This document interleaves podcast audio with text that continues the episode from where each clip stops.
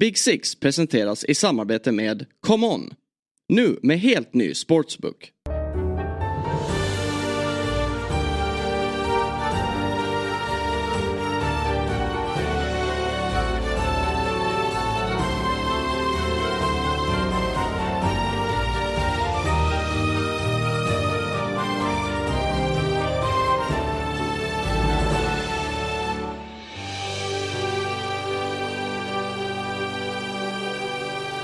Då hälsar vi er hjärtligt välkomna till ett nytt avsnitt av Big Six. Jag heter Jesper Hoffman och jag sitter här med Björn Jonsson. Två veckor kvar till julafton. Och dessförinnan så ska det såklart spelas en del fotboll. Ja det ska det göra och det pratade vi väl om förra veckan att det även är en match på julafton den här gången. Mm. Och eh, vi har ju även varit inne och touchat på att det här är en väldigt rolig säsong. Mm. Nu hade vi en midweek och en eh, helgomgång. Jag måste säga det att det, det blir ju bara roligare och roligare för det är väldigt mycket alltså, konstiga resultat. Eh, jag vet inte om det är rätt ordval men det, det känns, eh, det, det är många resultat som, är, som man, jag i alla fall inte såg på förhand. Nej. Speciellt den här, vi ska inte prata så mycket om den här midweeken, det, det kan man lyssna på eh, torsdagsavsnittet om man vill höra mycket där. Men där var det ju sett till förra helgen, det var ju inte ett resultat som eh, på förhand kändes logiskt. Nej. Det, det svänger otroligt mycket och det är ju väldigt kul att följa. Men det, det, är, det är nästan så här, det är en svår säsong att hänga med här. För det, det är svårt att göra analys på en match och sen kommer en ny och så blir det tvärtom och sådär. Men det, det är väldigt roligt. Det är en riktig berg och dalbana den här Premier League. Ja, och det känns som att det är ett enda stort getingbo. Det är väl eh, tre lag där nere som har det väldigt jobbigt då i botten. Nu, nu känner man bara så här, hur ska någon av nykomlingarna kunna hänga kvar? När Everton faktiskt eh, spelmässigt är ett mittenlag. Eh, snarare än ett, ett bottenlag. Men just nu befinner de sig där i tabellen då på grund av att de blev av med de här tio poängen. Och sen då en, eh, eh, en utav livlinorna, Bournemouth, de eh, har ju faktiskt verkligen spelat upp sig. Vi satt ju och diskuterade här med Iraola om Mm. det skulle vara som så att man eh, sparkade honom. Men där har man haft tålamod, gett honom tid och nu börjar vi faktiskt eh, se resultat på det här. Så det är svårt att se att Bournemouth ska vara inblandade i någon streckstrid när vi närmar oss 38 omgångar. Det är väl Nottingham Forest då, någon får hugga tag i här. Mm. Men eh, det känns som att de också har egentligen ett för bra lag för att eh, vara, behöva vara oroliga. Fascinerande med eh, alltså tre av de fyra tränare som för stunden i Premier League imponerar mest är från Baskien. Ja. Alltså eh, Arteta, Unai Emery och Iraola. På det har vi ju, om vi blickar ner mot Tyskland, serieledarna där, Leverkusen, Xabi Alonso, också från Basken. Jag tror till och med att de är från samma region eh, i Basken, eh, de här herrarna. Mm. Det är ju, ehm, eh, jag tror det var Axel, Ja, det var Axel Olsson som Olsson. twittrade om det. Är ett område som är lika stort som Falkenberg. jag mig Precis. Ja, nej men det är Gipuzkoa.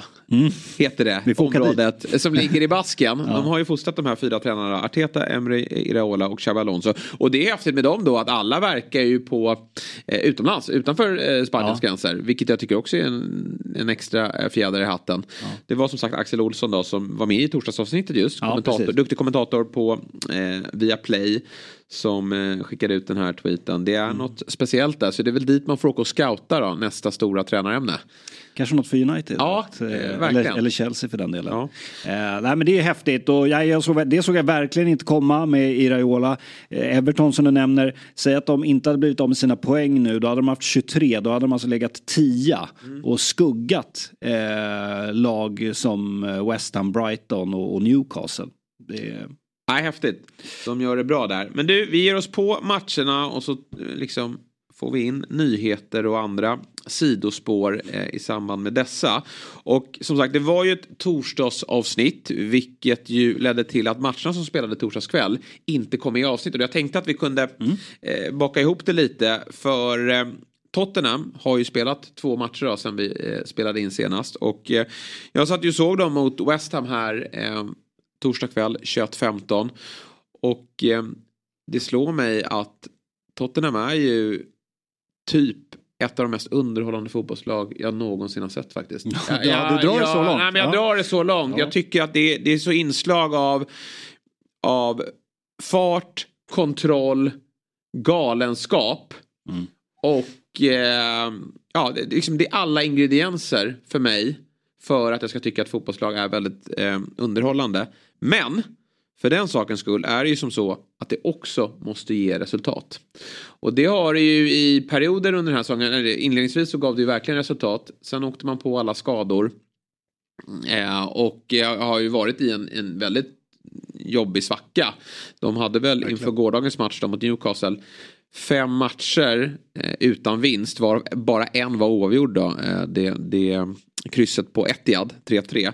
Men annars är det idel förluster. Och när jag såg dem då mot West Ham så var det ju en första halvlek som var e- enastående. Och, och man tryckte ner West Ham, liksom hela, hela laget ner till eh, mållinjen nästan.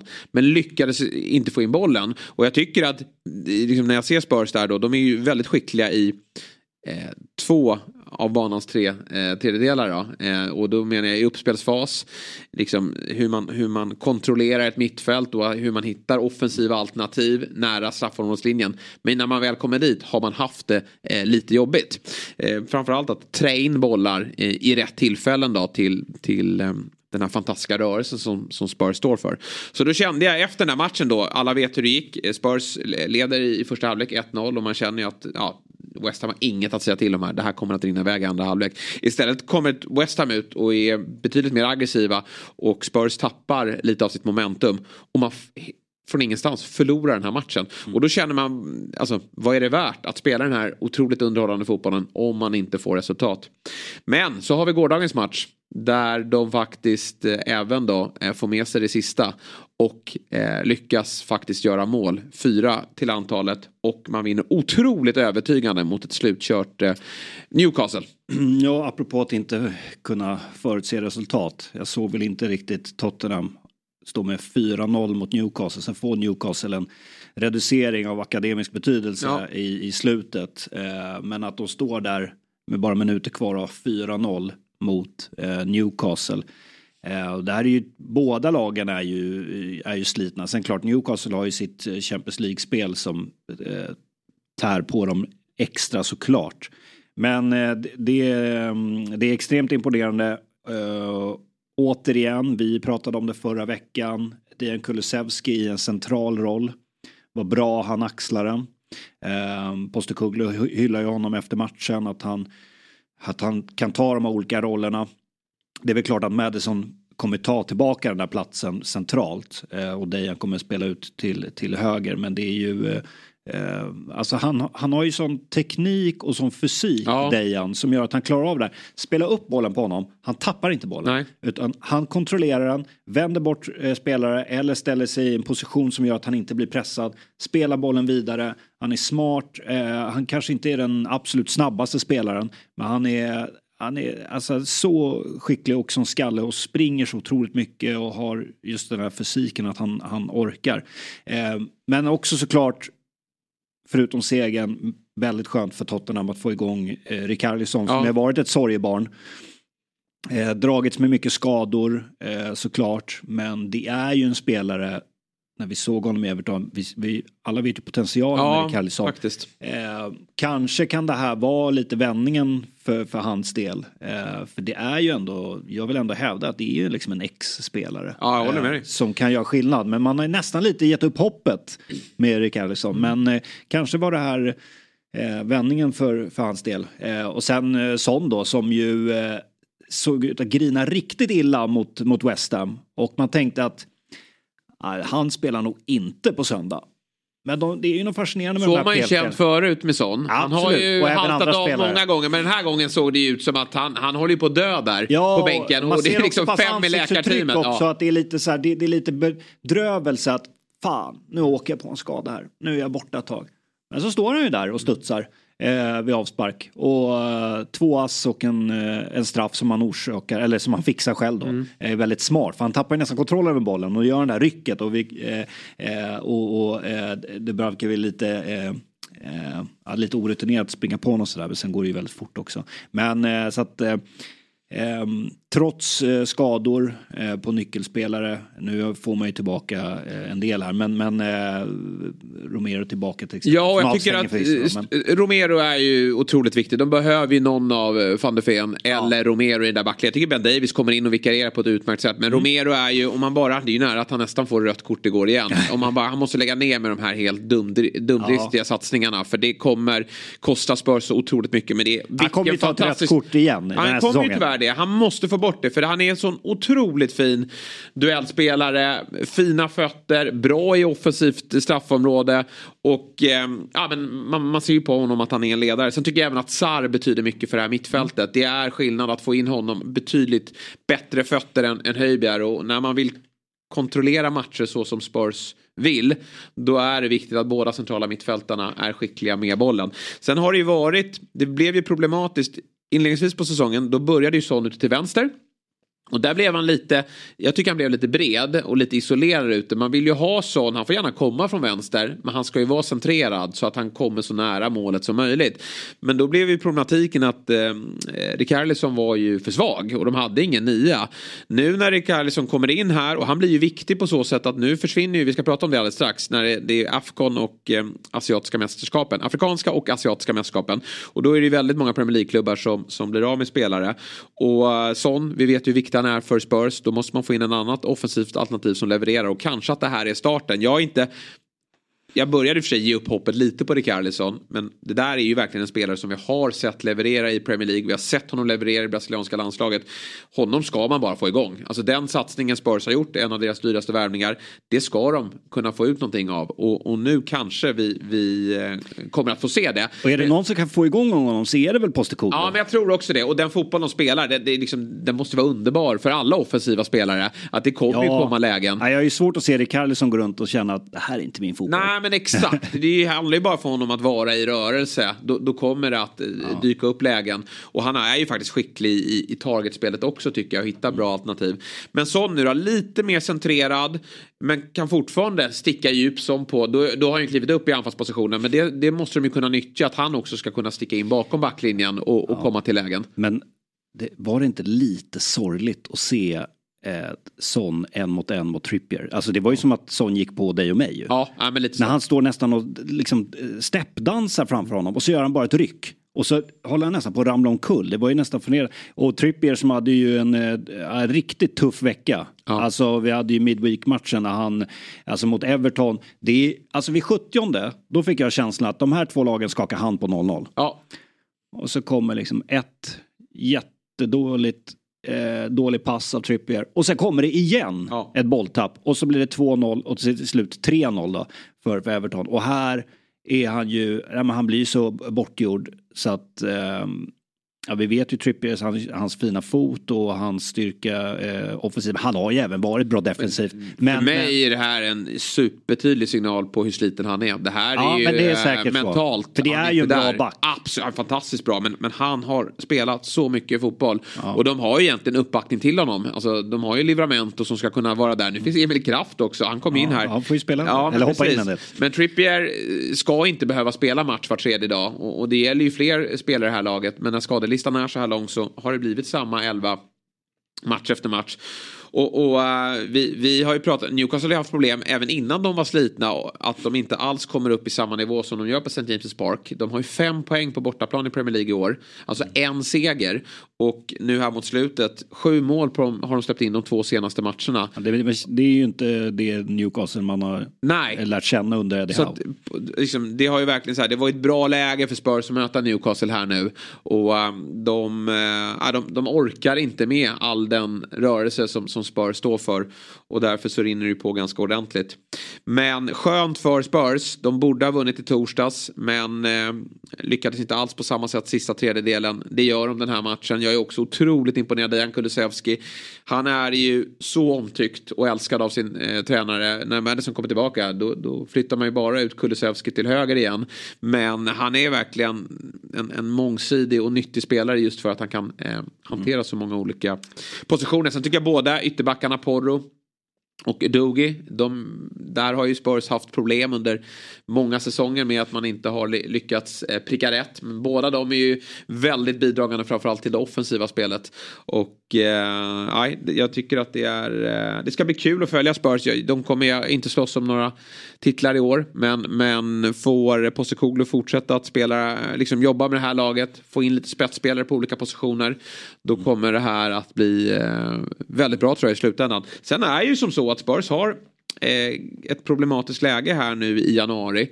För det är tre startspelare som kommer att lämna laget eh, för de asiatiska och afrikanska mästerskapen. Mm. Som drar igång där någonstans runt den 10 januari ja, va? Ja, asiatiska drar igång 12 januari och eh, Afcon drar igång eh, tror jag 11 Ja. Eh, nej, 13 januari. Yes. Och så håller det på till eh, där, ja, eh, Afcon håller på till 11 februari. Om, eh, om man går till eh, finalen, då är, då är finalen och asiatiska tar slut 10 februari. Mm. Eh, och det är ju klart att vi får ju se hur långt Sydkorea går då. med, med tanke på sånt. Men de borde Men väl vara, utan att jag har kollat upp, ett utav lagen som kan vinna det där? Ja, säkert så. Och kommer säkert gå, gå långt och det är klart att det, det, det kommer ju kosta Tottenham. Sen har du centrala mittfältet med Bissouma Sarr. Båda de försvinner till ja. respektive eh, länder i eh, Afrikanska mästerskapet. Mm. Och eh, det är väl, ja där, där, finns det ju inte några ersättare idag. Jo, alltså, mm. man kan slänga in Skip och man kan slänga in Höjberg. Men då är inte Spurs lika bra. Nej. Och, eh, Sen som... kommer ett januarifönster och ja. man kanske kan plocka in lite spelare men då ska de också in i laget. Och, Precis. och sådär, så att, så det, och... och sen vet vi skadelistan med Madison som verkar ha fått ett bakslag också och i bästa ja. fall tillbaka i, i i februari. Då. Så mm. där har ju eh, de lite att fundera kring. Och, och eh, det här blir ju såklart, det är inte bara Spurs såklart som, som tappar spelare till de här mästerskapen. Det finns många, framförallt afrikanska spelare. Och den spelare man främst tänker på det är ju Mohamed Salah. Som ju förra gången när det begav sig två år sedan så gick ju Egypten till final. Mm. Och skulle Egypten gå hela vägen, jag tittade på oddslistan här, de är ju inte huvudfavoriter. Men de är strax bakom eh, Senegal då som, som är, eh, står lägst i odds. Ja, värdnationerna. Ja, och skulle eh, Liverpool gå till final mm. då missar han minst fyra omgångar eh, utav Premier League. Mm. Eh, Salah. Lyckligtvis så är det som så att det är ett litet uppehåll där i mitten av januari. Men fyra omgångar blir det minst. Och kanske även en femte omgång. Vi kommer ihåg hur snacket gick senast. När han gick till final. Då var han ju tillbaka bara tre, fyra dagar efter att han Eh, hade förlorat en final. Eh, sliten, besviken, slängdes han in mot Leicester. Och sen gick det inte riktigt att känna igen Salah eh, under hela vårsäsongen. Får se om Klopp tänker annorlunda här nu. Återigen, vi får ju följa hur, hur det går för honom. Eh, Liverpool-supportrarna bör ju verkligen hoppas på att de åker ur redan i gruppen. Men är det som så att man tar sig till minst semifinal, då missar han alltså matchen mot Chelsea på hemmaplan och Arsenal på bortaplan. Ja, vilket är ju såklart det är extremt tungt. Det är alltså i dagsläget ettan mot tvåan ja. eh, som ställs mot varandra. Så att eh, det är ju eh, det är ju jättetungt eh, såklart. Ja, eh, men återigen, det är flera lag som, som kommer eh, bli, bli drabbade här och eh, det är ju ett litet, det är ju FA-cupen där. Många spelar ju runt nyår där, nyårsafton eller eh, nyårsdagen. Sen är det FA-cup och nästa Premier League-omgång är just när Afcon drar igång. Jag kan tänka mig att klubbarna är lite förberedda här nu för vi, upp, vi vet ju också om att det inte bara är det som sker utan det är ju att många lag har långa skadelister. Och det pratade ni om igår i Viaplay-studion. Hörde jag, om att matcherna har blivit mycket längre.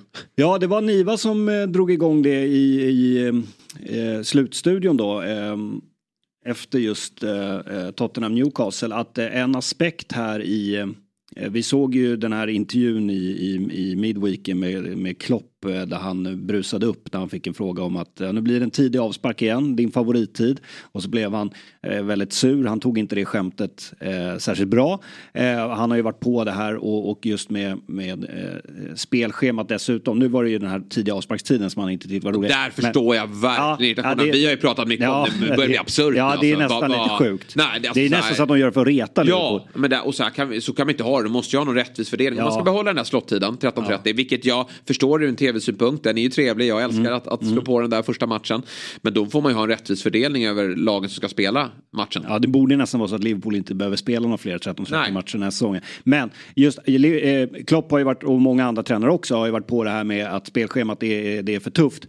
Men, det som Niva lyfte fram var ju eh, den intressanta aspekten att eh, matcherna idag i Premier League är ju ungefär 10% längre. Mm. I och med att man lägger på så mycket tilläggstid eh, på grund av eh, time wasting. Och det är ju både första halvlek kan man ju lägga på fem minuter och det är ju ganska vanligt att det blir tio minuter.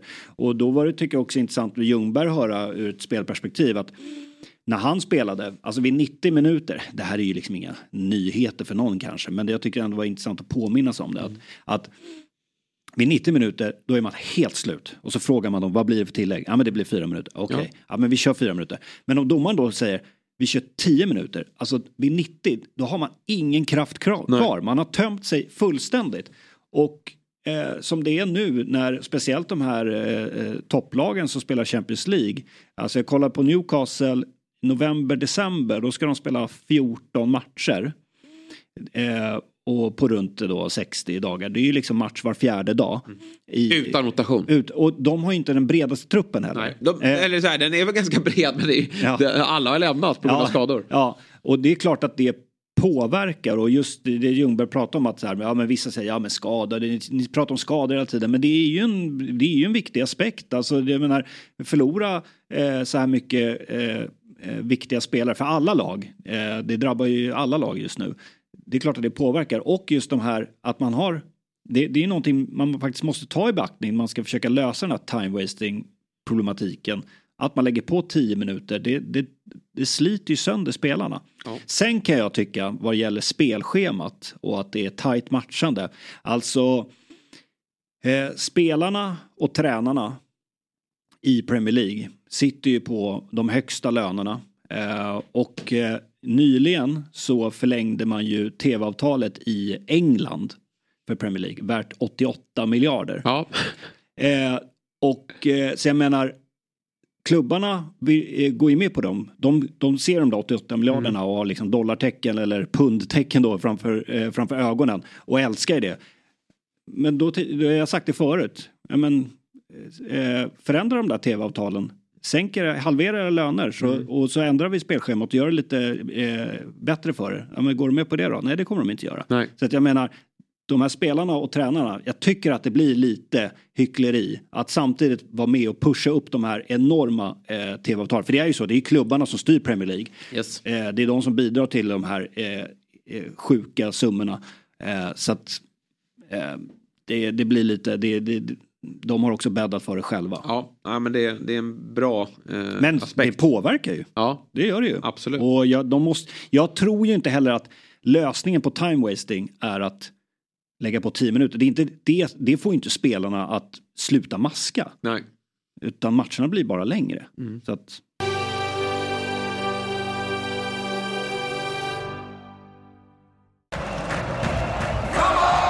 Den är här nu. ComeOns nya sportsbook med en av marknadens tyngsta betbuilders. Nya spelare får 500 kronor i bonus. Nu kör vi!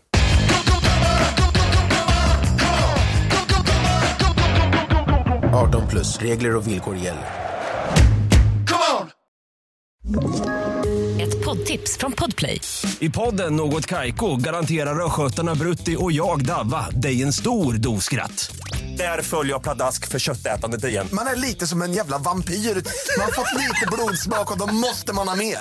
Udda spaningar, fängslande anekdoter och en och annan arg rant. Jag måste ha mitt kaffe på morgonen för annars är jag ingen trevlig människa. Då är du ingen trevlig människa, punkt. Något kajko, hör du på podplay. Därför är Ja, det är ändå som så att Liverpool spelade den där 13-30 matchen. De har inget val och det var en grinig Klopp eh, där på eh, i intervjun efter matchen mot eh, vilka var de mötte då? Det var ju Sheffield United va, borta. Eh, nu ja, åkte precis. de till London och mötte Crystal Palace på Sellers Park. Och eh, här får man ju på nytt bara lyfta på hatten för Liverpools mentala styrka då. Eh, i att kunna vända ett underläge från 1-0 till 2-1. Och det här var ju faktiskt en riktigt svag insats. Fram tills slutet egentligen. Ja, och jag tycker första halvlek. Eh, Liverpool börjar med att skapa en del lägen. Men sen tar ju Crystal Palace över. Mm. Och jag vet att vi satt och skrev till varandra just det här med, med Salah. Alltså han var ju direkt svag första halvlek. Han, hans, eh, dels var han anonym och sen när han fick eh, chansen, jag vet att han hade två bra lägen att spela vidare bollen. Han bara slår bort bollen. Enkla misstag. Mm. Eh, och, men vi sa samtidigt, nej han kommer göra poäng ändå. Ja, ja. Alltså för det, det, det, det, han Det är ju har. styrkan. Han, ja, och det är ju verkligen styrkan. Han har ju det i sig. Det spelar ingen roll, han kan göra en dålig första 45. Han kommer ändå stå där med 1 plus 1. Eh, vilket är väldigt starkt. Eh, lider lite med Crystal Palace. Jag tycker att eh, utvisningen på Jordan Ayew, det andra gula kortet förstår jag inte alls. Jag tycker att det är ju en frispark, absolut. Men att ge det andra gula för den, eh, eh, den ja, vad ska man kalla det, tacklingen eller kapningen. Han går ju liksom in med benen. Det är ju inte stenhårt. Han stoppar ett anfall visst, men det är inte så att spelaren är ensam eh, efter eh, Ayew. Ja, det, det tycker jag är väldigt hårt alltså. Men eh, men, men absolut, jättestarkt av, av, eh, av Liverpool att, att vända den här matchen. Eh, och att eh, Elliot får avgöra med det där snygga målet också. Det går ju att ställa sig i två olika eh, ringhörnor. Antingen så, så ser man eh, oroligt på läget för Liverpool att de spelar för dåligt just nu och att de kommer att snart börja eh, lida utav det. Att man inte alltid kan vända matcher på övertid. Eller så konstaterar man att eh, det här är en otrolig styrka och att det spelmässiga snart kommer att lossna för dem. Och att de då har den här bufferten. Nu leder de Premier League. Arsenal förlorade i helgen och City har eh, haft det problematiskt på slutet. Så att det är snarare som så att när Liverpool börjar spela riktigt bra fotboll igen så kommer man att eh, eh bli fullständigt livsfarliga. Och jag väljer nog du ska få säga vad du tycker. Men den andra taken här. ju- Och jag tycker att det är perfekt för Liverpool nu att de möter Manchester United till helgen. För det är en sån där match där de kan ta avstamp mot att stå för en väldigt bra prestation. För det, jag tycker mig se, ja vi kan ju bara minnas 7-0 matchen här i våras. Och, och jag vet ju att Liverpool på Anfield mot Manchester United ta fram nästa nivå och det skulle de behöva nu för sen efter det väntar ju också även Arsenal. Så att jag, jag ser en otrolig styrka i Liverpool. De måste prestera bättre över tid. Den här typen av insatser kommer inte räcka hela vägen. För det är ju vad Liverpool siktar nu faktiskt. Det måste man ju faktiskt. Eh, det, det är möjligt att de, det är klart att de inför säsongen ville gå och vinna titeln. Men de kände väl en, en ödmjukhet i att vi hade en jobbig fjolårssäsong. Vi nådde inte Champions League. Vi bygger om det här laget. Vi vet att City är vrålstarka och näst på tur kanske är Arsenal. Men så har man haft den här säsongsinledningen och nu leder man Premier League och då är det ingen snack om saken att man går för det. Nej, verkligen inte. Och jag menar, om vi tittar på ettan och tvåan. Arsenal är det laget som har eh, avgjort flest matcher i, i slutskedet på matchen, eh, matcherna. Det är fyra stycken de har gjort det på. Eh, och kanske inte varit klockrena i de fighterna heller. Och här gör Liverpool det också. Så det, det är ju en styrka att man har, eh, och det blir ju det, när matcherna går mot slutet, då är det ju klart att de bättre lagen har ju den här lilla extra styrkan. När motståndaren går på knäna så, så kan de pusha på lite extra. Ehm, så att, eh, nej men det är klart att det är starkt. Om man ska ta den där Liverpool-Manchester United, bara förutsättningen inför är ju att Liverpool ska möta Saint-Gilloise i Europa League. Ja. Liverpool är redan klara ettor, så att de kan ju rotera hur mycket de vill i den matchen, det spelar ingen roll. De kommer ta första platsen där och gå vidare. United har Bayern München på Old Trafford i, i veckan och eh, måste ju vinna den matchen. Ehm, Och hoppas på eh, bra resultat också Ja, i ja, Köpenhamn. ja, precis. Så det blir ju, det är ju en svintuff match för Manchester United som ju eh, förutom då alla problem runt omkring och, och pressat läge så, så är det ju just eh, vad gäller matcherna i veckan som kommer här så är det ju lite olika förutsättningar på Ja, det det sättet. får man verkligen säga. Så att det är ju en fördel för, för Liverpool också såklart. Ehm, men ehm, nej, eh, jättestarkt eh, av Liverpool. Crystal Palace borta är ju inte lätt. Nej, det är ingen lätt match. Även om Palace har haft det lite tufft. Ja, de är så. lite sämre och har en del skador nu också. Så att det, det är ju kämpigt för dem. Men här kommer de faktiskt upp i nivå. Liverpool är... eh, det, jag vet inte heller, men, men, när man pratar mycket om den här problematiken kring tidiga matcher och tätt spelschema då kanske man känner efter lite också. Och det var lite så jag kände att Liverpool hade ingen energi i den här matchen. Eh, och, och, det är ett Crystal som går upp till 1-0 och då känner man att det här ska inte Liverpool kunna vända idag. Men det finns så, så otroligt många matchvinnare i det här laget också. Mm. Salah gör alla sina poäng. Men du har ju liksom Nunez, Diaz, nu är Jota out. Du har Gakpo, du har Harvey Elliott, du har Sobosolai, nu är McAllister skadad. Men det är också en spelare, han har ju visserligen bara gjort något enstaka mål men det är nog en poängskörd som kommer förbättras. Du har ju även från backlinjen Trent Alexander-Arnold som har klivit fram. Så att Liverpool har ju eh, spelare att kunna skicka in för att förändra matchbilder. Och, och, det blir ju väldigt viktigt i den här typen av skede av matchen när det står Ja, men Liverpool trycker fram sina positioner. Crystal Palace är ju en man mindre men också känner sig nöjda såklart med poängen. Då eh, är det den här gången då Harvey Elliott som, som kliver in och dunkar in 2-1. Eh, är imponerande och vad, och att vinna. avsparkstider att... så blir det ju nu blir det ju skönt. För då har ju Liverpool då den här 13-30 matchen som spelats. Eh, och eh, Saint-Gillois på torsdag som de kan eh, spela B-laget med om de vill. Och sen har de då 17.30 på söndag. Så ja. nu får de ju ganska lång vila yes. eh, på det sättet. Ja, eh, och ett United då som eh, dessutom saknar Bruno Fernandes. Ja men alltså. Som tar på sig ja, det gula. Ja, alltså jag, du hyllade honom som ledare här förra ja, veckan. Ja, ja precis, jag får checka upp får mitt dumstrut Ja precis, jag går in och raderar nu. Nej men jag, jag går ju lite emot, eh, gick ju lite emot det här med hans kroppsspråk och jag tycker att han, eh, det, det, det är många irriterar sig på. Och det, jag har full förståelse för det om man håller på United och det går dåligt och han står där och gnäller. Men samtidigt, han är Uniteds bästa spelare. Eh, jag tror att han vis, visar ett ledarskap. Det är svårt att veta hur han är. Det Bruno Fernandes ledarskap som är Uniteds problem. Nej, det är inte. Men. Det där var idiotiskt. Men att ta det där gula när du har Liverpool borta på söndag och, det, alltså, och du... Eh, ja, nej, det, jag, du får bara inte göra så. Nej. Det, det, det är så otroligt korkat. Bara av den anledningen. Bara av den aktionen skulle jag nästan bli av med kaptenen. Ja, nej, det där nej, men det, det, var inte det, vad United nej, behövde. Det, och, äh, det är så dumt. Jag ska inte säga att man sitter här och är jätteförvånad att Bournemouth lämnar den där matchen med tre poäng. Sen att det blir 0-3 det är ju givetvis eh, stora siffror. Men, men United har ju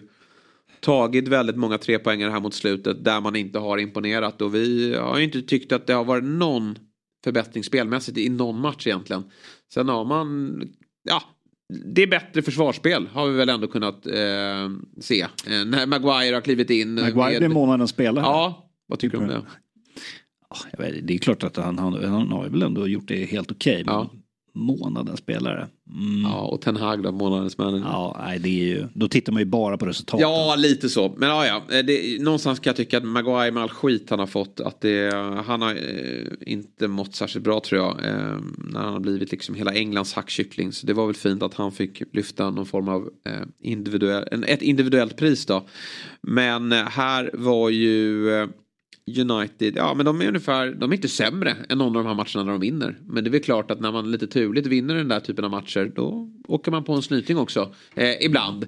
Och det kommer inte att bli bättre under Ten Hag under den här säsongen i alla fall. Det, det, det är så här det kommer att se ut. Mm. Och, och, sen så får man hoppas att, att individuella stjärnor ser till att de eh, istället tar ledningen och lyckas spela på resultat. Mm. För det är lite vad det är med United tidigare är att när det har stått 0-0 och stått och vägt. Då har någon lyckats kliva fram. Antingen Garnacho med ett eh, med drömmål eller McTominay dyker eh, upp i boxen eller så Bruno Fernandes som står för en, en, en läcker framspelning till någon.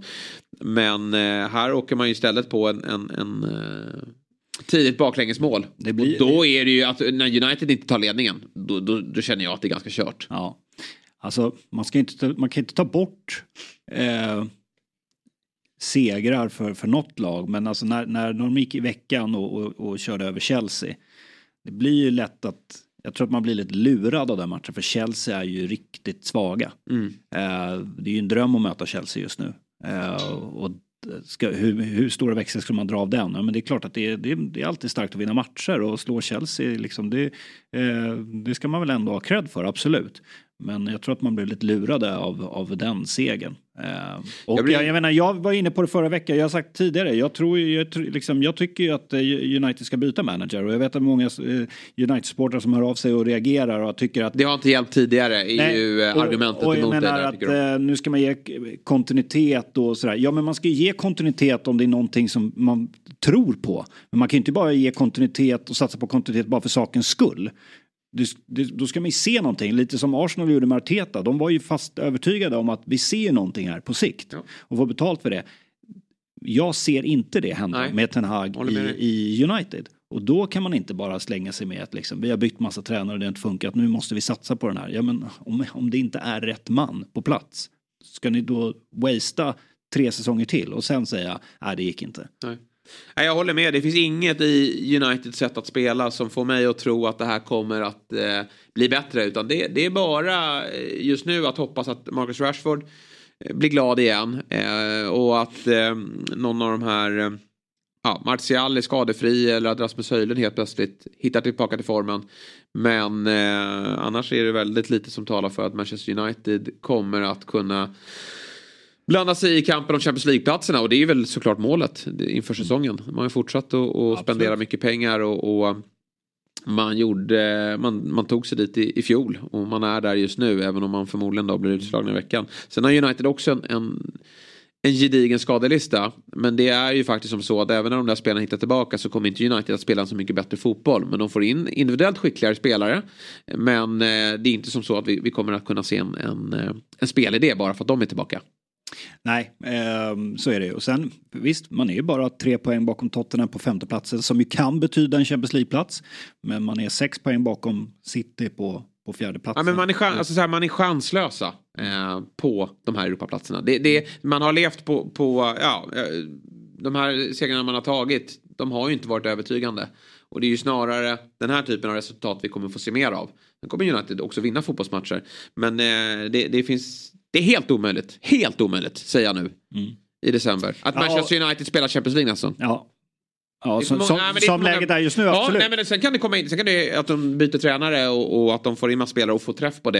Jag Mm. tror inte att man kommer byta tränare. Jag tror att man väntar till, till nästa sommar just av den anledningen att man inte riktigt vet vem man ska ta in och, och det måste bli ordning i ägarfrågan och, och i, i, ledningsgruppen. Men, men sen så eh, kommer det nog att eh, ske förändringar. Och eh, man kommer ju gå för, det verkar ju som att man går för en anfallare i januarifönstret. Eh, vi får väl se, det senaste ryktet tror jag var Gyrassi.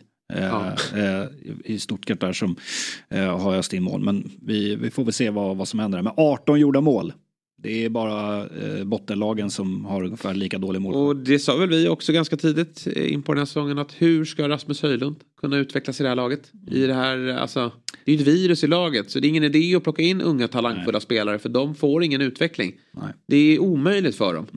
Vilket gör ju också Rasmus Höjlunds val väldigt märkligt även om jag förstår att det är väldigt svårt när United lyfter luren. Men är man i Atalanta så är man på en ganska bra plats. Och man bör eh, akta sig kanske för att gå till ja, världens mest misskötta klubb. Eh, för, för det är de faktiskt.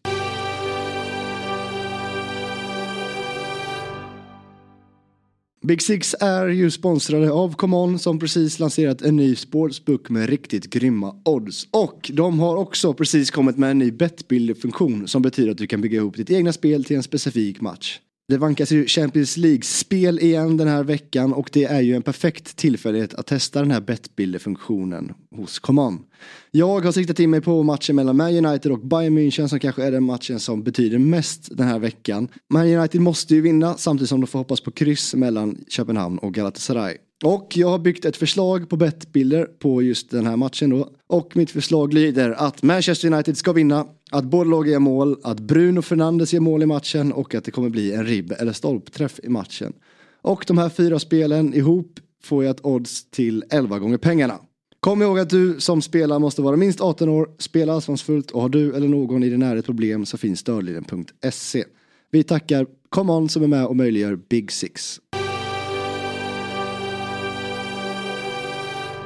Du, eh, ett lag som inte är så misskötta och ett lag som visar på vad som eh, en klubb som visar på vad som kan ske när man prickar rätt på tränarposten. Ja, herregud. Det är ju Aston Villa. Ja. Alltså, Och vet du vad det, det också säger? Säger ju någonting om Steven Gerrard här också. Ja, det gör det verkligen. Vilken och jag vill inte, jag vill inte eh, kritisera Dean Smith allt för mycket. För han gjorde det bra. Sen var det ju nog, alltså han tog upp Aston Villa. Sen började ju, alltså, Aston Villa har ju verkligen spenderat sen man klev upp. Sen var det nog dags att, att hitta något, en, en ny typ av tränare. När Grealish försvann och, och en, en, en tränare med tydligare spelidé som kunde hantera bättre spelare. Steven Gerrard kliver in och är eh, inte vad Aston Villa behöver. Nu är Unai Emery där och vi får bara konstatera att det är ett makalöst bra Aston Villa som har, är det 15 raka segrar eh, i Premier League på hemmaplan? Ehm, ja, precis. Jag tror att det är det. Det är väl där vi landar. Eh, för, och inom loppet av tre dagar så slår man alltså Manchester City med 1-0. Vad du? Fem, 15 raka eh, är det? li, ligamatcher på Ja. hemmaplan. Ja. Och man har, eh, man, Och inom det är ju loppet av klubb, tre det är dagar klubbrekord. Inom eh, loppet av tre dagar slår man värld, två av världens bästa lag på hemmaplan. Ja, och du nollar dem. Ja, du nollar dem. Ja, det är, alltså det och då, då har du även då, innan det, då spelar de liksom eh, 2-2 mot Bournemouth. Men det har ju visat sig att Bournemouth eh, är ju faktiskt ganska bra just nu. Ja. Eh, nej, det, det, det, det, alltså, det är svårt att egentligen hitta orden för det, det som eh, Unai Emery gör med, med Aston Villa. Och eh, visst, alltså det är klart att de har, de har ju plockat in eh, bra spelare. Men alltså McGinn är ju typ bäst på plan mot Ja, City. igen. Och han är ju även bra mot, eh, mot. Arsenal. Eh, till exempel. Så att det är ju, jag sa i början på säsongen, jag tror det är väldigt mycket på Brighton. Eh, Brighton tappade ju många spelare och har också haft skador och eh, har ju varit inne i en rejäl formsvacka här nu. Det är ju Villas fördel att de, Ja. de, tappar, de släpper inte sina spelare för de Nej. har en ekonomi att behålla dem. Sen det ska ju också sägas att det inte har varit spelare som, som hela fotbolls-Europa jagar. Det har ju mer varit fallet i Brighton att det är väldigt många spelare som har varit attraktiva. Här är det ju eh, ja, men spelare som är ganska nöjda med att vara just i Aston Villa. Mm. Det är en stor skillnad. Ja, ja verkligen. Och det, det är ju inte en, eh, det är ingen liten klubb och det är en, eh, i en eh, näst största staden i, i England och att spela för Villa och man ser ju det liksom på, på Villa Park vilket tryck det är och hur... eh, Ja, men lite så, alltså- det går ju verkligen att dra jämförelse med Newcastle. Ja, Symbios verkligen. med publiken, den här eh, frenesin i, i, i spelet, hög, högt pressspel, eh, modiga i allt Mm. de gör och, och ramstarka bakåt. Och, minns du eh, öppningsmatchen?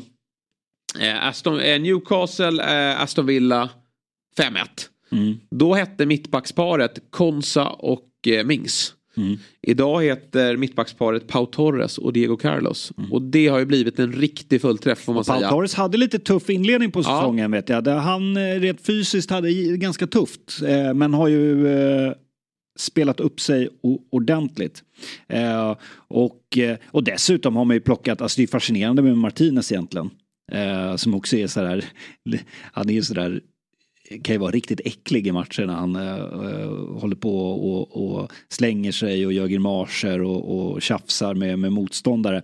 Men alltså Martinez var ju han var ju extremt länge i Arsenal. Ehm, jag tror att det är liksom, han var väl typ nio säsonger i Arsenal och spelade ju typ totalt sett 30 35 matcher eller något sånt där. Och, och man tänkte liksom vad, vad ska det bli? Jag var ju utlånad hur mycket som helst och eh, man tänkte, och sen var det där sista säsongen var en ganska, fick jag ju spela en del och var, var ganska bra. Men ja, vad kommer hända med honom? Att gå till Villa. Sen bara bli världsmästare. Eh, spelar nu i, i ett av världens mest fascinerande lagbyggen. Och eh, rankas ju som eh, en toppmålvakt helt Ja. plötsligt. Eh, det, det Och där har det ju också varit snack om att efter VM-guldet och hans, att hans status har förbättrats, att han skulle vilja vidare. Och det är väl klart att han nog gärna skulle vilja vara i de absolut bästa klubbarna som slåss om titlar. För där är ju inte Aston Villa ännu. Vilken annan säsong, eller inte vilken annan säsong som helst, men, men när man vet att City sladdar. Men jag, jag går ju tillbaka till 14-15 året där, där eh, många av topplagen eh, hade det jobbigt. Då gick Leicester upp och, och, och vann den här sjuka eh, säsongen. Men... eh, och, Då var Martinez i Rotherham. Ja, det är stört. Det är Victor Johansson, svensken. Nej, men då, då, kanske man till och med hade börjat prata om Aston Villa. Så, liksom, kan det här räcka hela vägen till en titelstrid? Det tror jag absolut inte i år. För jag tycker att även om City sladdar är så är topplagen lite för bra. Du har både Arsenal och Liverpool som är bra. Så det, det kommer inte räcka. Men, men Champions League-drömmen är ju där i allra högsta grad. Och det är ju om något verkligen gott nog för, för eh, Aston Villa en sån här säsong. Ja. Men Martinez tror jag är på en ganska bra plats. Varför ska han lämna det här ja, laget nej, nej. om han får spela Champions League? Däremot spelar de inte Champions League, då kan han bli aktuell. Sen vill jag ju säga det att jag tycker att Arsenal gör en ganska bra match. Ja, det håller jag verkligen med om. Framförallt i första halvlek mm. där man har lägen att, att eh, liksom göra mål. Mm. Och eh, ja, det, det, är att man inte får in bollen och, och, eh, där har vi väl vi pratat lite om att de kanske skulle behöva få in ett, ett monster där framme. Mm. Lite som eh, City det känns ju som att Arsenal går lite i Citys fotspår naturligt ja. eftersom Arteta och Pep är eh, lika varandra i sitt sätt att jobba. Och eh, man, man har väldigt bra kontroll över matcher och man skapar läge. Jag tycker att Arsenal har väldigt hög lägstanivå. Mm. Eh, det är inte alltid man är fantastiska. Men, men väldigt hög lägstanivå som kommer att räcka väldigt långt den här säsongen. I, i såväl ute i Europa som i, i ligan. Men ibland då så, så, eh, saknas den där sista spelaren eh, som, som slår in bollen. Och, och jämför med i år så är det som så att Arsenal har ju fördelat ut målen. Alltså det har kommit in lite fler eh, spelare som, som kan slå in den i form av Kai Havertz, du har Trossard, du har Declan Rice som har klivit fram. Du har eh, Eh, ja, den, den, vanliga trion också. Eh, och det är ju Martinelli, Saka och Ödegaard. Men om du tittar på deras fjolårssäsong. Saka gjorde 14 mål i fjol. Mm. Han har gjort fem hittills, så det, det är väl godkänt. Eh, du har Ödegaard, 15 i fjol. Fyra i år. Många utav, eller både för Saka och Ödegaard, de delar ju lite på straffansvaret så några straffar är där också. Martinelli, 15 i fjol. Två i år. Mm. Så de här behöver ju steppa upp. Jag, jag, säger inte att de är dåliga, men i ett sånt där läge när de trycker ner Aston Villa, då behöver de ju få in någon som eh, skickar in bollen. Ödegaard slarvar här i något, något läge. Så det, mm. det, jag tycker, vi var inte du och jag kände väl kanske när vi pratade lite silly här för några veckor sedan att det hade väl varit bra att få in en anfallare men det kanske inte är akut. Jag ska inte säga att det är akut men nu när Arsenal ändå är så bra i år. Ser att City sladdar. De ska ju precis som Liverpool bara gå för det här. Mm. Och kanske då att man öppnar plånboken och plockar in ett monster uppe. Jesus är jättenyttig och bra ut i spelet. Fin i längdspelet, tar sig ut på kanter, river sönder sår i motståndarens försvarsspel. Men han är ju ingen naturlig målskytt. Och det skulle jag gärna vilja se, precis som City gjorde när de plockade in Haaland. Att Arsenal i sitt utvecklande av det här laget plockar in en Mm. Målskytt där framme. Ja, men det håller jag med om. Jag tycker att de behöver det. det jag, jag håller verkligen med dig. I en sån här match när man skapar det där trycket ja. så kan det ju, ja men det, helt plötsligt så skickar Ödegaard in den i bort eller, eller Saka. Men ibland så går det troll och, mm. och, då är det ganska bra att ha den där eh, Och dessutom den aspekten att plocka in en spelare. Nu får vi se, det har ju pratats om Eh, Ivan Tony, det har pratats om Olly Watkins, det har pratats om Osimhen. Men just det här att få in en spelare som kanske inte kommer från Premier League blir ju också en utmaning för motståndaren då. Att ja. en helt ny spelare som man in, måste lära känna i, i, när vi går mot, mot vårkanten. Det, det, det, tror jag mycket på än att kanske ta typ Ivan Tony så tror jag inte Villa släpper Watkins. Eller ja, allt har ett pris men jag tror inte Arsenal är beredda att mm. betala så mycket. Um, men, men jag håller absolut med att de be behöver en uh, anfallare. Vad, vad gäller Eh, Martinelli så tycker jag att han, han har ju eh, han gör ju en ganska bra match. Eh, Konsa har ju en del problem med honom. Och där tycker jag också... Tycker att Martinelli är alltid bra ja, i, i ja. spelet. Men, men, eh, men eh, Sen blir det inte någon riktig slutprodukt. Eh, däremot så eh, tycker jag också det var snyggt av, eh, av Unai Emery. Han ser ju det där problemet, eh, rättar till, byter ut Konsa sen, eh, tar in Matte Cash. Eh, han gör ju en del eh, skickliga byten här. Mm. De, för de är ju, precis som du säger, de är ju under press Aston Villa. Kanske inte så konstigt heller när man gör ett tidigt mål redan efter sju minuter att man att det blir att motståndaren får, får styra och ställa mycket. Men Arsenal gör det mesta rätt i den här matchen. Det är ju lite straffsituationer. Vi har ju en armbåge också på mittplan som hade kunnat bli rött. Vi har en straffsituation med Jesus när han blir sparkad på foten. Som man väljer att, vi har varit inne på det tidigare, bedömning. Mm. Eh, att inte bedöma, här valde man att inte, man hade kunnat blåsa straff där. Nu gjorde man inte det. Det kan man ju diskutera. Alla kan tycka vad de vill där. Det är väl lite 50-50 kan jag känna.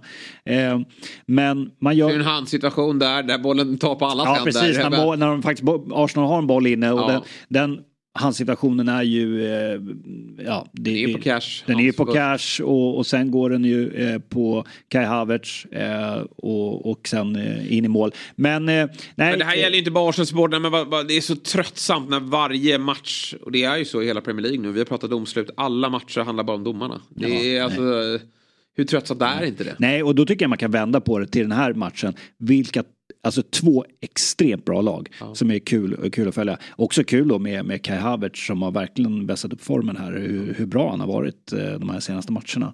Eh, det är en, eh, väldigt positivt för, för Arsenal. Ja, Nej, men jag håller med dig, jag tycker att det är klart att det är tungt att förlora den här matchen. Men Arsenal gör en bra match. Yes. Det hade lika gärna kunnat sluta 1-1. Det hade kunnat sluta åt vilket håll som helst. Eh, men eh, Nej men Arsenal håller en sån hög, återigen hög lägstanivå. Det är sällan man ser Arsenal göra riktigt dåliga matcher. Sen går det säkert att ta av och göra fler topprestationer. Men de topprestationerna ska ju framförallt komma i vår. Eh, så det, det är liksom inte här och nu någon, någon liga avgörs. Samtidigt är det ju här och nu en liga kan förloras. Men, men där har vi inte Arsenal utan de är ju en poäng bakom då Liverpool och, och, snart då så möts de ju i en riktigt häftig match på Anfield. Eh, dagen innan julafton. Det blir väl, det blir väl julafton för alla oss fotbollsälskare. Men det ska bli jäkligt intressant att se. Ja. För det är två lag som eh, har mer att ge båda två. Men håller en, en hög nivå och eh, den blir viktig för, eh, för säsongen tror jag.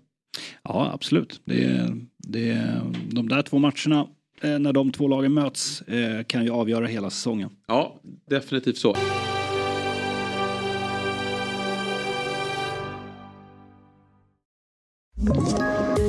Poddtips från Podplay.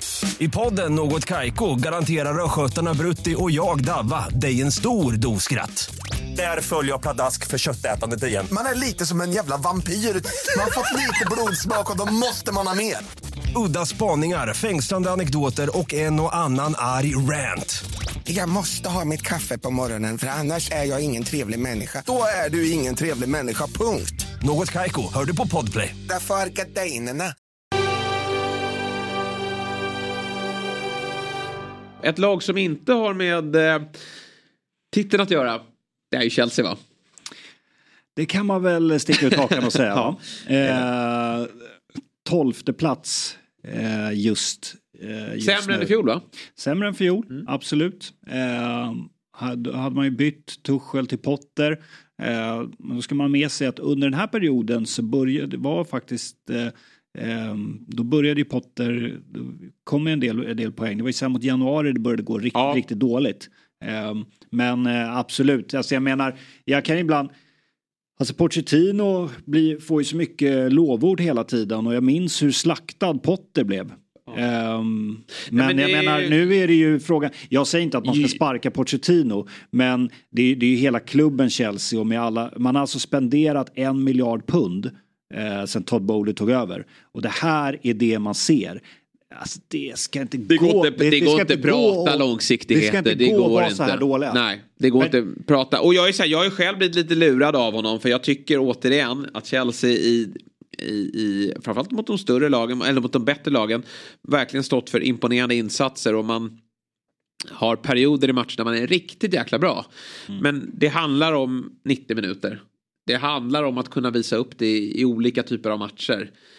Och det gör man inte. Och, och det här tycker jag, det är klart att det är återigen så finns det perioder här där man trycker ner Everton. Men man, man har liksom inte, man saknar viktiga grundfundament för att kunna vara ett vinnande lag över tid. Jag tycker så här som, som när de släpper in det här 2-0 målet, man, man, tar inte, eh, man tar inte närkamperna, man smäller inte på i dueller. Det finns ingen ledare där ute och när man väl får tryck också, då saknas det Eh, spelförståelse där uppe eller, eh, eller kyla att kunna eh, peta in bollen. Jag tycker bara att det är Cole Palmer där uppe som har någon form av spelförståelse. Conor, Gallagher är väldigt nyttig eh, i, i, i sitt pressspel, jobbar hårt. Men det är ingen spelare som, som gör skillnad sista tredjedelen. Eh, Mudryk är ju precis lika usel som Anthony. Det är ju en, en spelare bara att glömma. Eh, du har Broja Jackson som delar på eh, sysslan där uppe på topp. Och, och där tycker jag båda visar att det här är inte heller någonting att bygga vidare på. För att om Chelsea då menar på att vi har satsat väldigt mycket pengar, vi måste ge det här laget tid för att om två, tre år då kommer alla de här spelarna ha tagit kliv så att de gör oss till ett topplag. Men hur många, Björn Jonsson, av de här spelarna som är ute på plan är världsspelare om tre år? Ja, sett till den startelvan där. Eh, Det är väl Enzo Fernandes då? Enzo Fernandes. eh, Paul Palmer kanske? Ja, Kanske. det är väl de två. Badiashile och Disasi är väl två bra mittbackar egentligen. Eh, men, eh, ja nej. Alltså, Kukureya är det ju inte. Nej, Eh, Caicedo börjar man ju snart undra vad, Ja. vad, vad, vad, vad var det man fick in och egentligen? Gallagher är ju bra men det kommer inte bli en världsspelare på, på det Mudrik värdelös. Eh, Broja är inte tillräckligt bra. Jackson är inte tillräckligt bra. Reece James kommer ju inte spela fotboll om Reece tre James år. får vi upp. Eh, där får Han man ju kommer se- vara assisterande tränare i Ja, Chelsea. och där undrar man så här, han har missat nu, det är väl hans eh, 17 skada i karriären då, 24 år gammal, missat 87 matcher för Chelsea. Hur kunde man göra honom till lagkapten? För jag tycker också att det saknas eh, Liksom förut, ja men kollar man till Chelsea Way, de har liksom haft ledare som, som eh, John Terry. Man, jag tycker man hade ett, eh, en väldigt bra ledare i form av Rydiger Mm. som, som någonstans, eh, Aspilicueta. Det har ju funnits liksom karaktärer Ja, där ute som, det, det är som den, tagit, det är dragit den samman laget. extrema omställningen också för ett lag och för en klubb. Eh, man byter ägare. Man har också haft en strategi där man, som du säger, man har tagit in eh, eh världsspelare, rutinerade spelare som har burit det här laget. Och vända på den steken nästan till 100%. Bara ta unga utvecklingsbara spelare. Att vända på den eh, steken fullständigt. Det är, det är en märklig strategi. Inte ha någon mellanväg och liksom en liten övergångsperiod och blanda utan det ska bara vara och det ska, eh, de här unga spelarna eh, med, med stor potential. Eh, Och jag, vet, är- jag vet det var också folk som skrev, du minns ju i somras när, när eh, Chelsea då eh, snodde eh, Enzo Fernandes och Lavia. Det var ju Liverpool som gick för de spelarna och de skulle ju bara in. Och alla Chelsea-supportrar gladdes över det och Liverpool-supportrarna var rätt frustrerade. Jag tror inte någon Liverpool-supporter som just nu är säkert eh, särskilt sitter och, och har svårt att sova på nätterna över det. Och vilka korkskallar till spelare, ursäkta uttrycket. Men hur fan kan man välja ett Chelsea i lågor eh, före ett Liverpool med Klopp? Som ju visserligen hade ett tufft fjolår, ja, men vad hade inte Chelsea då? Men där man verkligen vet vad man gör och när man är ute efter en spelare så träffar man väldigt ofta rätt i sina värvningar. Nej, då går vi till Chelsea som inte har lyckats med rekrytering på, på hur länge som helst. Nej. jag tycker det är sorgligt. Och tittar vi då 12, visst man kommer väl kunna ta sig förbi Brentford, Fulham och West Ham. Men lagen ovan där, United är ju inte heller bra. Men hur ska man ta sig förbi lag som Brighton, Newcastle, Aston Villa och, och Tottenham? Och, och för att de topp tre är ju liksom att Chelsea ska kunna tävla om en titel. Det, det är återigen, det är Palmer och Enzo Fernandes som man tror på långsiktigt i det här laget. I övrigt finns det ju inte en spelare att, att eh, hoppas på. Eh, nu gick målvakten Sanchez ut men det gör väl inget för han har inte, han gjorde ju för en bra match på Old Trafford men, men i övrigt så är ju inte det heller det en målvakt man ska satsa på. Utan man får återigen då hoppas på att det, det öppnas en plånbok här i januari. Men framförallt redan nu börja ge upp spelare. Mudryk, det är ju bara skeppa. Ja, eh, jag sa väl det i början på säsongen här att jag då hade jag väl svängt lite kring Mudryk att jag först trodde bara så sa jag att det kommer inte bli någonting av honom. Och det står jag fast vid. Det kommer inte bli någonting av honom. Nej, det, bra. han är ju ruskigt snabb, Mudryk. Det ska han ha. Ja, men, Men han, inte så mycket annat. man måste veta vad man ska springa också. Ja. Och det vet ju inte han. Nej. Han får satsa på friidrott. Men under 2023 har Chelsea spelat 26 ligamatcher och har i snitt tagit en poäng per match. Det är 17 sämst i hela ligan. Bara Luton, Sheffield United och Burnley är sämre. Ja. Eh, och de har åker ju, ur med de de har ju inte varit med. Ja, ja. Alltså om, om det... Men här blir ju samma argument som i, i, eh, i United. Ja. Ska vi sparka Det tränaren alltså- och tro det- att vi träffar rätt igen? De har alltså... Eh, det är alltså längre bort upp till en femte plats än vad det är till nedflyttning just nu Mm. för, eh, för Chelsea. Nu väntar ju dock ett jäkla dunderschema här för Chelsea. Ja, det gör det. Eh, Sheffield United här till helgen. Men, men hur många Men av de här torskar man med 2-0 mot Ja, men man har ju förlorat jättemånga matcher mot den typen av motstånd. Eh, Just Sheffield United ska väl inte gå och förlora mot även om de Nej. vann i helgen Men då. det har ju sagt det förut, Chelsea har ju en väldigt hög högsta nivå. Det har vi sett mot topplagen. Mm. Där har de gjort det bra. Och vi, prat, vi har pratat om det förut, att det är eh, just, vi kommer vara väldigt mycket upp och ner. Nu är det ju väldigt mycket, de här svackorna ju, och, och lägsta nivån är ju, den är ju bottenusel. Ja.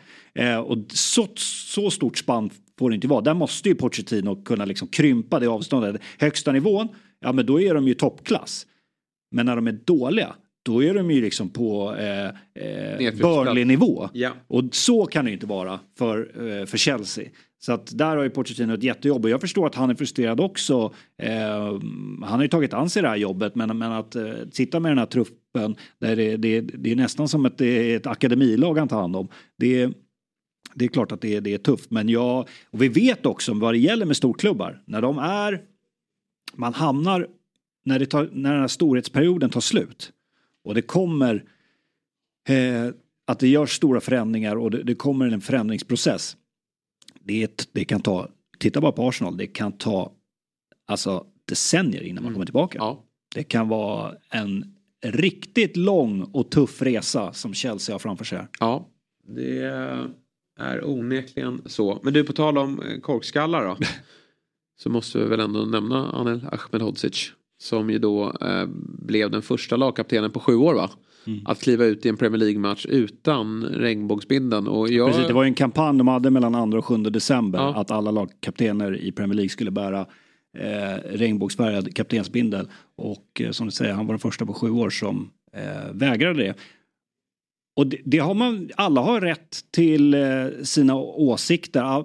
Det är ju så, vi lever i, eh, i England också ett fritt land och precis som Sverige. Man, åsiktsfrihet, man får ju tycka precis vad man vill och vill man inte bära den där eh, även, om jag har svårt att förstå hur man inte kan backa ett budskap där eh, Fotboll är för alla. och, och, ja, precis. Och att eh, alla människor har rätt att älska vem de vill. Eh, det har jag svårt att förstå. Men man har rätt att tycka olika kring en sån sak. Absolut. Däremot tycker jag också då att ja, om det är så att alla så här, ja, men jag kan inte stå bakom det. Ja, det du har all rätt att eh, göra om du, om du tycker så. Men då tycker jag också att du ska svara på frågorna. När SVT sen hör av sig och frågar varför ville du inte bära binden? Och han svarar gissa.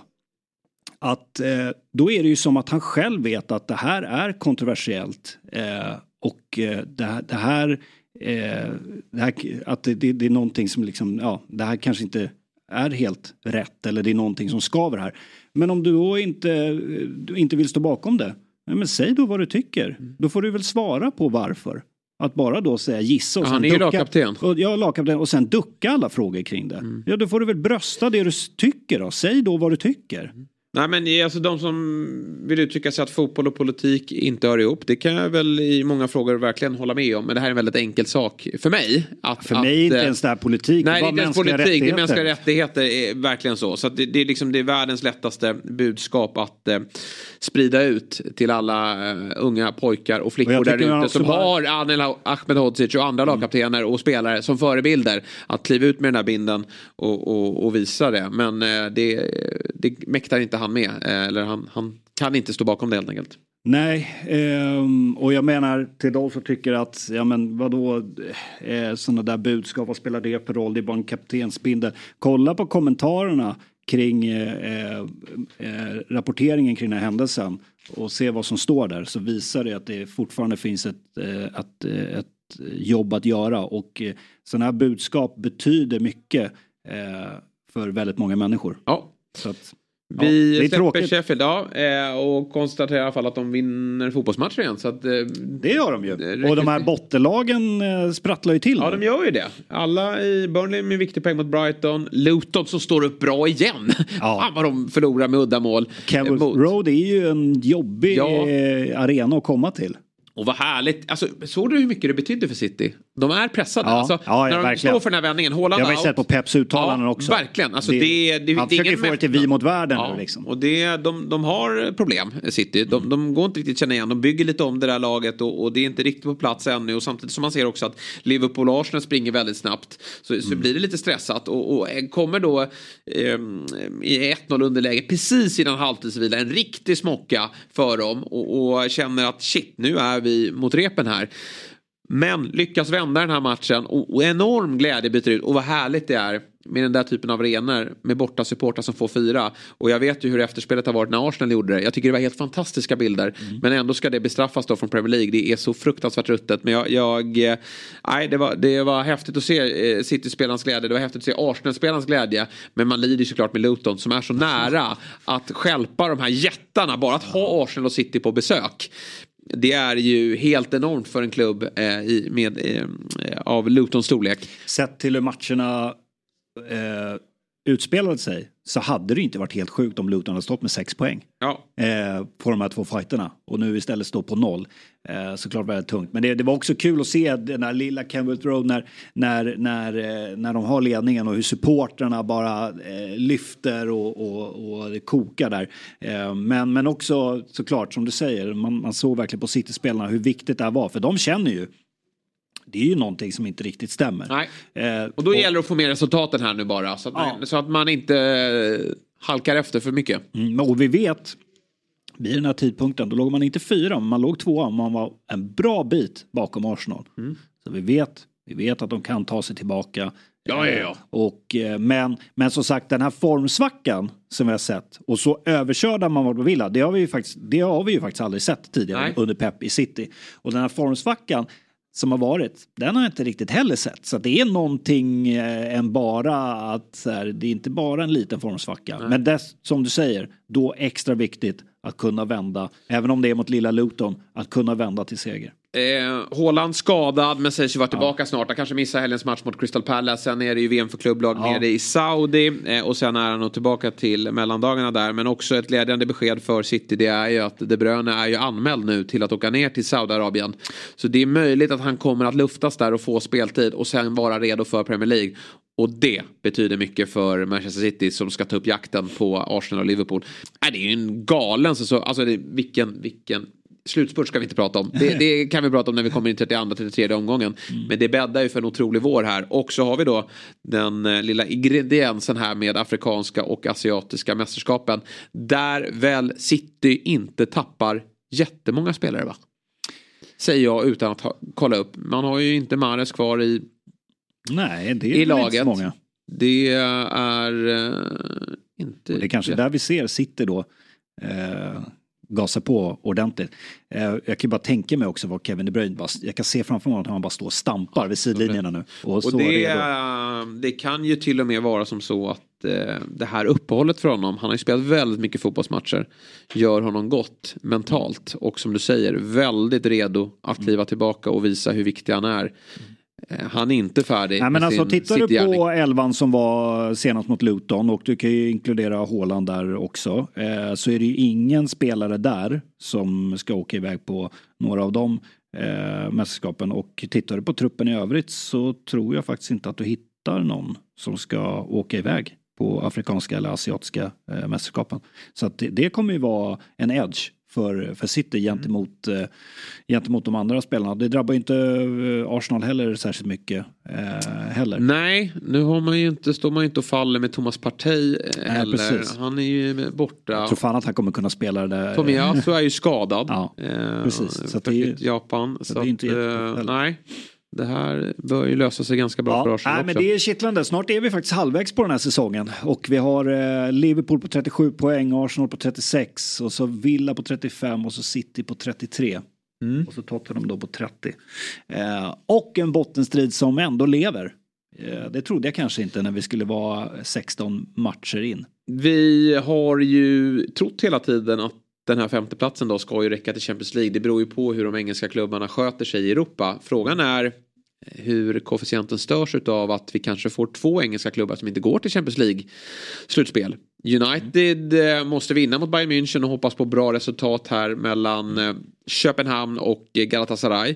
Och Newcastle de har inte heller avgörandet i egna händer när de ska möta Milan hemma här. För om PSG slår Dortmund så är eh, Newcastle i bästa fall då i Europa League. Så det kanske är bara som så att det släpps fyra platser. Jag tror att det ska räcka ändå. För det, det ju, finns ju möjligheter att gå långt i Europa League också. Eh, och där har vi ju Liverpool och Brighton vidare också. Så det, det, det kanske löser sig. Men du vilket, vilken eh, Europa League du kan få. Newcastle om de kommer trea i sin grupp. United kommer trea i sin grupp. Och så har vi Liverpool och Brighton redan där. Mm. Vi får prata mycket Europa League kanske i vår. då. Ja, det, det blir härligt. Kul för Viaplay också. Ja, med det. den rättigheten. Såklart. Eh, så att, eh, ja, nu ska ju gruppen avgöras på, på torsdag där. Yes. Och Champions League då tisdag, tisdag onsdag. Yes, och det får torsdagsgänget snacka ner då. Eh, helt enkelt. Mm. Och sen är vi tillbaka nästa vecka med eh, ny härlig Liverpool. Manchester United på söndag. Ja, vilken, eh, vilken match det kan bli på alla sätt alltså. Det ja, alla Arsenal-supportrar kommer ju sitta och hålla på. på 7-0 United. senast och jag tror inte Liverpool... Alltså Liverpool kommer Men ha vad, hä- energin men vad händer då? Vad händer med. United? Säg att de åker på 5-0 torsken. Ja. Vad händer med United då? Nej, då tror jag han får gå. Ja. Alltså en, en sån snyting.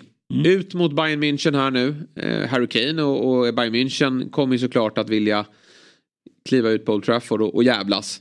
Och sen har du då Liverpool, värsta rivalen. Söndag 17.30. 4-0 i Mm. arslet. Och vi tackar holländaren nästa måndag va? Ja, jag har ju sagt att han inte tränar United. Nej, det där, nu har du verkligen möjligheten här. För sparkar de inte, vi har redan tagit ut resultatet i... i ja, vi, vi, vi, vi har sett i vår kristallkula här att det eh, kommer bli en, en stor smäll då. Bruno Fernandes borta. Och eh, man torskar med, med, med ett stort resultat. Men det är inga Då, sparkar de dem inte då, Nej.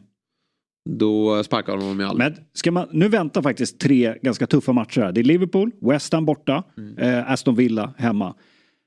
Men tar sig United eh, ur de tre matcherna de med, med bra resultat? Nej, det tror inte jag heller. Nej. Men gör de det, då är det ju så här, då, då kan vi eh, då, då, då kan vi prata om ett annat United kanske som, jag som redan växer det där. lovat- Men jag tror ju inte det. Nej. Vad, vad, vad har du lovat? Nej men jag har ju lovat att de kommer... Eh, det, är, de är, det är omöjligt för dem att nå Ja, du menar så? Ja, Champions ja, League. Champions League. Jag säger på de där tre tar de en poäng. Ja, det är väl inte helt... Eh, är det West Ham de kryssar mot? West Ham, kryss. Villa finns inte på kartan. Alltså de Nej, inte gör som det är just nu. slarvsylt Inte av som det är just nu. Där, nej, det, det är helt omöjligt skulle jag säga. Mm. Och eh, ja, Liverpool, de, de, som sagt perfekt förutsättningar för Liverpool. Betydelselös match här på torsdag. Bara kliva in redo att eh, göra slarvsylt av värsta rivalen. Den möjligheten kommer de inte missa. Nej, vi sitter här nästa måndag och väntar in pressmeddelandet att Ten Hag kommer få sparken. Ja, vet du vad Liverpool står i? Nej. 1,40. Ja, 1,40. Det är, Det är- är, det är pinnar ner mot 1,25. Ja, det kan, det, I, det i veckan kan, tror jag. Det, precis. Eh, speltips här och gå. Ja, exakt. Vi får se vad de hittar på här hos eh, Come On eh, senare i veckan. Bra så Björn. Vi eh, ses om en vecka då, förhoppningsvis med nya. Eh, Senast United slog Liverpool på Anfield 2016. ja. Bara för, de går ju och vinner nu bara för att vi Exakt, det är väl det som är eh, det hoppfulla då för alla United-supportrar. Att vi, vi har haft fel eh, förut. Tack Björn. Tack, tack. till alla er som har lyssnat. Vi är tillbaka med ett nytt avsnitt av Big Six på torsdag igen. Vi hörs då.